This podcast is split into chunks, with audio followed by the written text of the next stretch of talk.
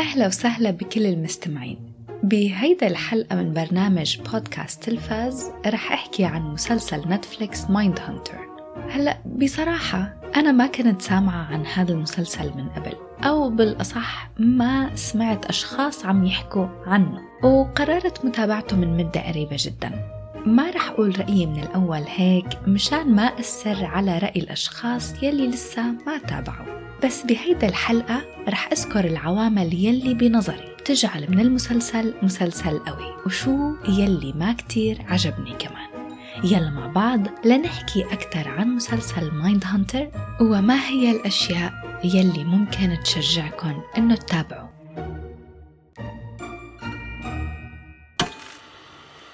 It's not easy butchering people. It's hard work. Physically and mentally, I don't think people realize you need to vent. You know, there's a lot more like me. Do you think so?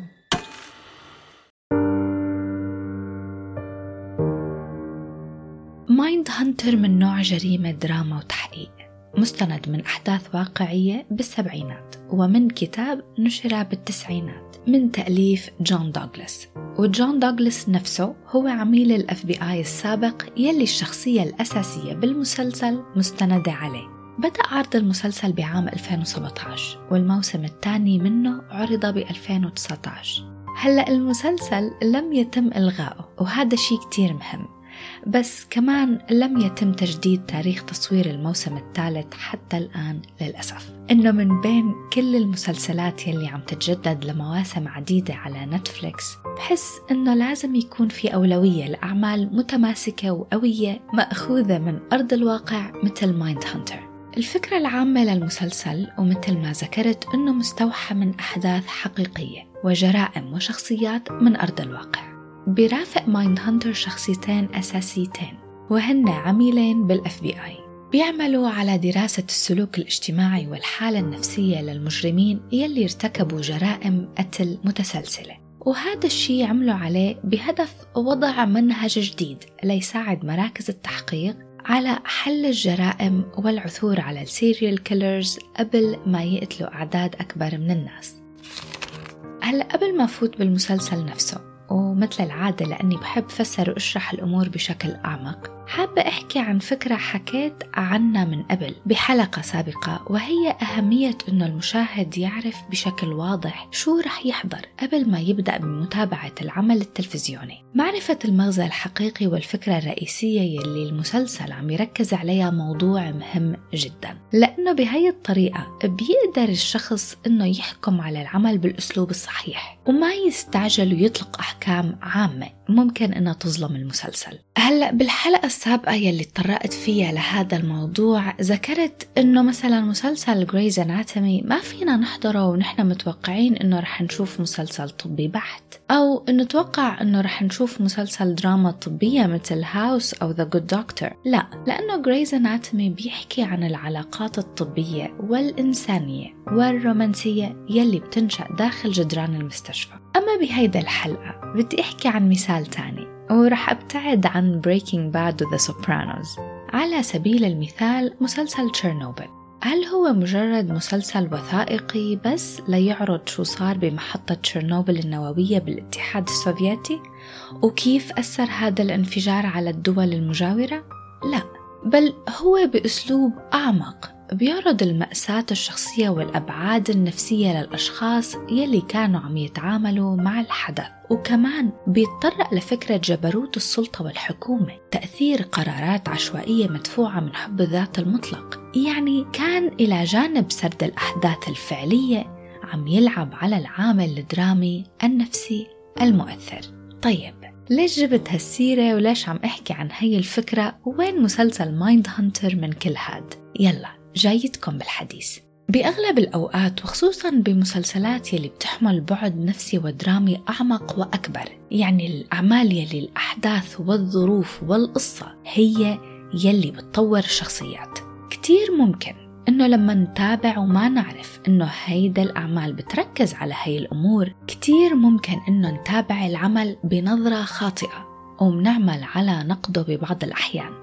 وكمان كتير ممكن نطلق عليها اسم مسلسلات بطيئة.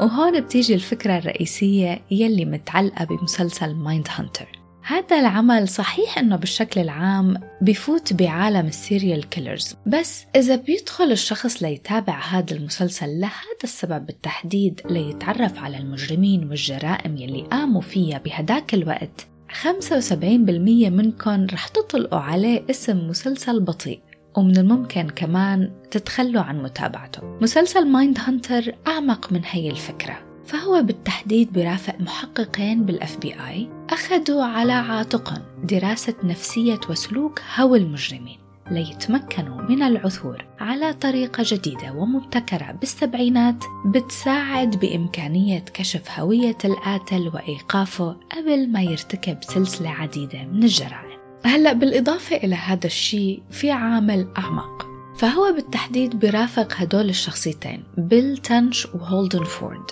وهن مستندين من عميلين بال FBI روبرت رسلر وجون دوغلاس المسلسل بيلقي الضوء على تأثرهم وتأثر حياتهم بهذا النوع من العمل وكيف كل واحد منهم بيتعامل مع هاي الدراسات وكيف بتتأثر نفسياتهم بهاي الأمور. مسلسل Mindhunter فيه عوامل نفسية كتيرة. وطابع مظلم بدون شك. بوجهة نظري الشخصية هذا المسلسل حلو وجدير بالمتابعة ورح أذكر هلأ وباختصار شو الأشياء يلي بتجعل من هذا العمل مسلسل قوي. ومن خلال هاي النقاط أنتو بتحكموا إذا هذا المسلسل ممكن يعجبكم أو لا. أول سبب يعطي Mindhunter طابع مشوق ومثير للاهتمام هو إنه مستند من واقع الحياة. هذا الشيء لحاله. بيخلي المشاهد يدخل بحالة عميقة من التفكير والتأمل. لما يكون العمل مستند من واقع الحياة فورا بخلينا نحن كمشاهدين نختبر الأحداث بطريقة مختلفة تماما حيث أنه دائما في هذا الصوت داخلنا يلي بشكل متواصل بيقلنا هذا الشيء صار على الحقيقة.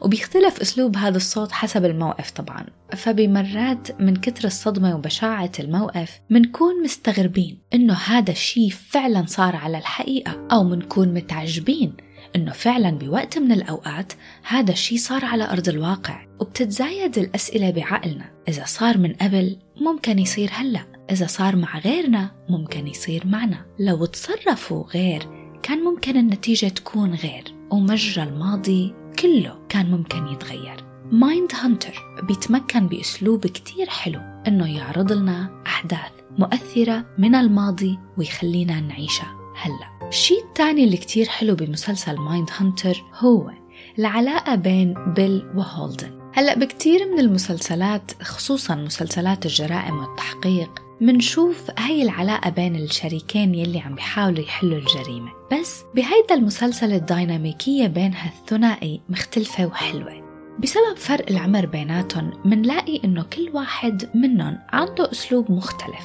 وبأغلب الأحيان صحيح إنه بيكونوا عم يعملوا سويا للهدف نفسه بس ما بيتفقوا على الأسلوب المستخدم. هذا الشيء ولد بداخلي خوف على إنه لوين ممكن تأدي هالخلافات. وكمان ولد بداخلي تعاطف مع الاثنين. وكل موقف بسأل حالي لو كنت أنا شو كان ممكن أقول أو شو كان ممكن أتصرف.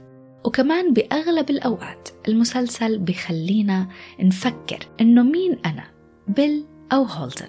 بصراحة وأنا شخصيا بحب دور بيل تنش بالمسلسل أكثر من هولدن فورد لأنه بيل عنده قصة أعمق وأثرت فيه بشكل أكبر. طيب لنيجي للسبب الثالث. السبب الثالث لجمال مسلسل Mindhunter وقوته هو ديفيد فينشر. عمل على هذا المسلسل المنتج والمخرج وصانع الأفلام المخضرم ديفيد فينشر. وإذا الاسم مش مألوف للمستمعين مثلي مثلا أنا ما كتير بركز بالأسماء وخصوصا المخرجين والمنتجين. بس هذا ما بقدر ما ركز عليه لأنه أكثر أفلام بحبها شخصيا من إخراجه مثل فيلم الجريمة الدرامي يلي صدر بالتسعينات 7 من بطولة براد بيت ومورغان فريمان. وكمان فيلم Fight Club لأدوارد نورتون وبراد بيت و The Girl with the Dragon Tattoo و Gone Girl وحتى مسلسلات مهمة مثل مسلسل House of Cards أو مسلسل Love, Death and Robots بأغلب أعماله فينشر بيحب يركز على قصص فيها شخصيات شريرة من قاتلين لمجرمين لأصحاب مشاكل وكمان شخصيات واقعة بمعضلة أخلاقية. بس الحلو فعلا إنه بأسلوبه الخاص ديفيد فينشر بيتمكن من إنه يطلع من الممثلين مهارات رائعة وتمثيل رهيب. هذا الشيء بيخلي المشاهد يتجاوب ويتفاعل مع الشخصيات وممكن إنه حتى يفهمها ويتعاطف معاها. إن كانت شخصية جيدة أو شخصية شريرة. هلأ موضوع الشخصيات الشريرة بالأعمال التلفزيونية والسينمائية بدها حلقة خاصة لإلها لتفسير أبعاد هي الفكرة بحد ذاتها. ومن قبل كم أسبوع سمعت حلقة بودكاست كتير حلوة عن هذا الموضوع لبرنامج بودكاست اسمه بودكاست زاوية واسم الحلقة هو فن تدمير الشخصيات. البرنامج كله حلو والحلقة هي كانت مميزة كتير. لأي شخص بيحب إنه يسمع عن هذا الموضوع أكثر بنصحكم إنكم تسمعوا بودكاست زاوية. لنرجع للأشياء الحلوة والمميزة ب Mindhunter الشيء الرابع يلي حابة أحكي عنه هو ضخامة الإنتاج. الطريقة يلي عملوا فيها بهذا المسلسل على عرض فترة السبعينات كتير حلوة وكتير متقنة. بتخلينا كمشاهدين نعيش اللحظات ونغوص فيها. هذا العنصر بالنسبة لإلي. هو شيء بيكمل العمل وبيعطيه نقاط قوة أكثر تفاصيل بالملابس والسيارات والمنازل والشوارع أعطت Mindhunter نكهة كتير حلوة وطبعا مظلمة لأنه العمل نفسه مش عمل خفيف. هلأ بالإضافة إلى الديكورات وجمال التصوير في أشكال الممثلين يلي مثلوا أدوار المجرمين بالأخص. بعد ما تابعت الحلقات وانتهيت من المسلسل عملت بحث لشوف الشخصيات الحقيقية. وفعلا لفت لي نظري إنه كيف قدروا يقربوا كتير بالشبه بين الممثلين والمجرمين الحقيقيين. وهذا الشيء بيعطي المسلسل رونق وطابع جميل كتير حلو وبيشد المشاهد وبيخليه يفوت ويعيش بالأحداث. طيب بكفي حديث عن الأشياء الإيجابية والأشياء يلي بنظري حلوة وأعطت قوة للمسلسل. هلأ بالجانب الضعيف من العمل وأكيد هذا ذوقي الشخصي. أنا شخصيا ما حبيت دور ويندي كار وهي يلي بتساعد عميلين ال FBI بالأبحاث يلي عم بيقوموا فيها. هاي الشخصية ما عنت لي كتير وما كنت مهتمة شو رح يصير فيها.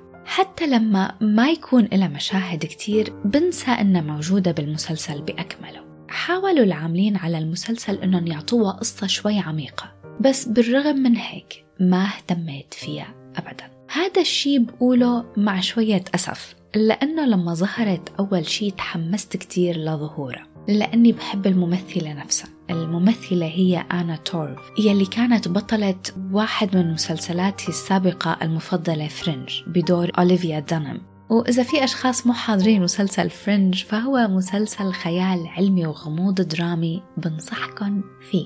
ومع أني أنا ما كتير بحب الأعمال الخيالية إلا أنه قصته كتير حلوة وبتشد كتير فيها قصص تنقل عبر الزمن. المهم أني بالرغم من حبي لآنا تورف ودورها ب Fringe إلا أني ما حبيتها كتير بمسلسل مايند هانتر. خلص بعتقد أنه هيك بكفي. بالمختصر مسلسل مايند هانتر مسلسل واقعي ومظلم وبيعتمد بشكل كبير على الحوارات أكثر من الأكشن والتشويق والأحداث السريعة وبيحمل عمق نفسي كبير للشخصيات يلي فيه. مايند هانتر حاصل على تقييم 8.6 على IMDb و97% على روتن توميتوز بس للتوضيح إنه على الإنترنت لما تعملوا بحث عن مسلسل مايند هانتر رح تلاقوا إنه على IMDb تقييمه 7.4 بس هذا التقييم خطأ لأنه هو لبرنامج وثائقي ما دخله بالمسلسل. يعني لتشوفوا التقييم الصحيح والمعلومات الصحيحة عن الممثلين والمسلسل لازم تفوتوا على IMDb وتعملوا بحث عن المسلسل بالموقع نفسه. شكرا لكل الأشخاص يلي تابعوني بهي الحلقة. قدمت لكم مايند هانتر وبشوفكم بحلقة جديدة ومسلسل جديد. bye bye